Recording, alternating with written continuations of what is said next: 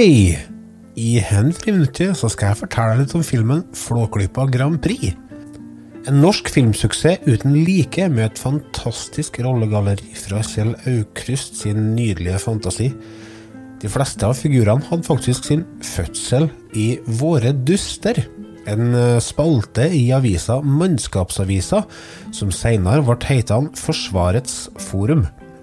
Spalten dukka opp allerede første gang i 1954, og ble avslutta i 1963. I den siste spalten så kunne du få lese om at redaktør Melvin Snerken han hadde sett eh, Knut Kuppern sitt legendariske 5000-meterløp på Bislett stadion i 63, der han tok verdensrekord. Snersken han ble alle seg sjøl etterpå, og måtte dermed avslutte avisspalten. Krogsleiven, Reodor Felgen, fotgjenger Gudleik Knotten, Rudolf Blodstrupmoen, Ludvig Solan Gundersen, Ben Redik Fyff Asan og sist, men ikke minst Il Tempo Gigante.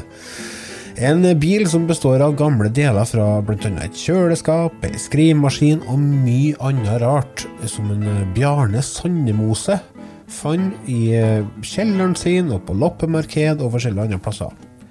Her skal dere få høre et lite lydklipp fra NRK når Kjell Aukrust og Ivo Caprino presenterer bilen i programmet Lørdagskveld med Erik By fra 1971.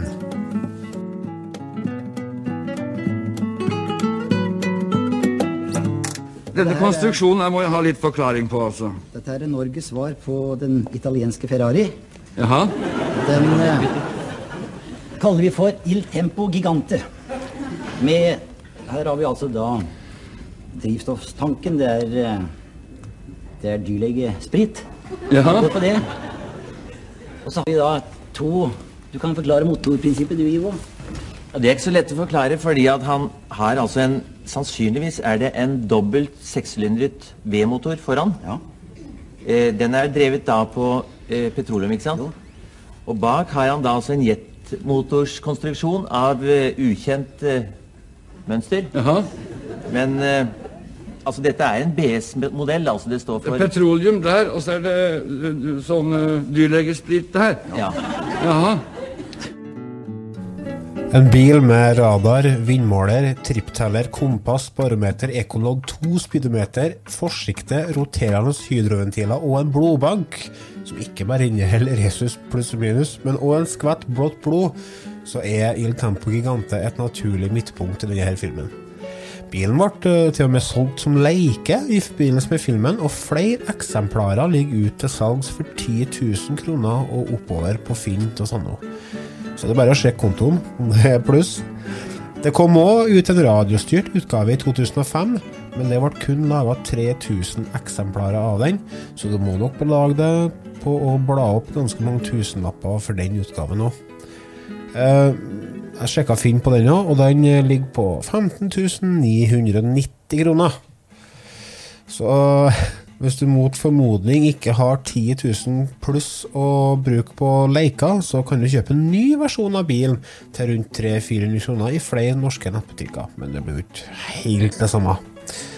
Filmen kom ut på kino i det herrens år 1975 og har faktisk solgt hele 3,5 millioner billetter. 3,5 millioner! Det er så vilt, det. Til sammenligning så har filmen Max Manus solgt 1,1 millioner billetter. Den filmen som har solgt nest mest, hvis det er et ord hun kan bruke, er filmen Støv på hjernen, og den har solgt 1,6 millioner billetter. 3,5 det er over dobbelt så mye, det. Det er helt sjukt. Ifølge en artikkel på nrk.no så har den solgt over 5 millioner billetter, men det er bare nødt til å være feil. Når vi er først inne på NRK her, så kan dere få en liten fun fact. Flåklypa Grand Prix var i utgangspunktet ikke ment å være en film, men en TV-serie som skulle hete Flåklypa TV og radio, og den skulle være mange forskjellige sketsjer uten en større sammenheng. da. Ivo Caprino og Kjell Aukrust de la ned masse arbeid i prosjektet, men da de skulle presentere for NRK sine underholdningssjefer, så fikk de beskjed om at det var ikke bra nok. Det var bare å droppe hele serien. Hell i uhell, kan en si, for hadde de fått grønt lys for den serien på NRK, så hadde vi nok aldri fått det mesterstykket av en film som mange av oss i dag har et nært og godt forhold til. Flere av figurene ble også forandra mye fra TV-seriekonseptet og til filmen. Solan var i utgangspunktet en sigarrøykende og konjakkdrikkende småbølle.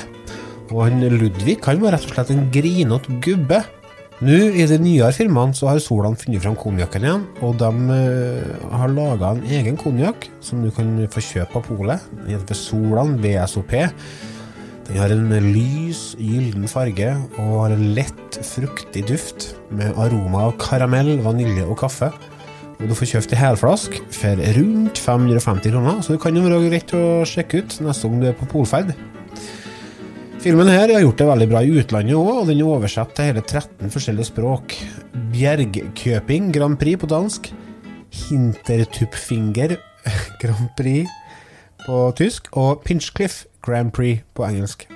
Harald Heide Steen jr., som spiller gorillaen Emanuel Desperados, er den eneste som har fått beholde stemmen sin i alle versjonene. Noe som for så vidt gir mening, da det er ikke så mye ord den godeste Emanuel eh, lager. Det er mer lyder. Filmen la også grunnlaget for et PC-spill som kom ut i 2000. Det er en samling med minispill som sikkert mange av dere har et nostalgisk eh, forhold til. Det er selvfølgelig da òg et av de mest solgte spillene i Norge, med over 300 000 solgte eksemplarer. Reodors dampdrevne postsorteringsmaskin. Fikk dere lyst til å sortere post nå? Det kom òg uh, ut et spill til Nintendo DS, der utviklerne tok det beste minispillene fra PC-utgaven og utvikla det til DS-formatet. DS-versjonen har åtte småspill, over 40 puslespill og en eventyrdel der man skal utforske Flåklypa-toppen, samle og vinne bildeler for å bygge Il Tempo Gigante, for å så kjøre det berømte billøpet. DS-spillet sanka veldig gode anmeldelser, bl.a. terningkast 5 i VG, Drammens Tidende, Adresseavisa, spill.no osv. osv. Gamers Web trilla òg faktisk terningkast 6. Ravn Studio, som står bak spillet til DS, driver for tida òg og lager en ny versjon av spillet til Nintendo Switch, der man kan kjøre Il Tempo Gigante i 3D, i stedet for, for et sånn fugleperspektiv da, som er i PC- og DS-versjonen. Spillet har forventa lansering i år, så det er bare å krysse fingrene for at vi får ta en tur med Il Tempo Gigante i løpet av året. Da er vi straks ferdige her, men før vi runder av, så vil jeg takke Thomas Valur, Valeur, for det nydelige gitarsporet som ligger og, og spiller under her. Takk for at jeg fikk lov til å bruke låta i denne podkasten.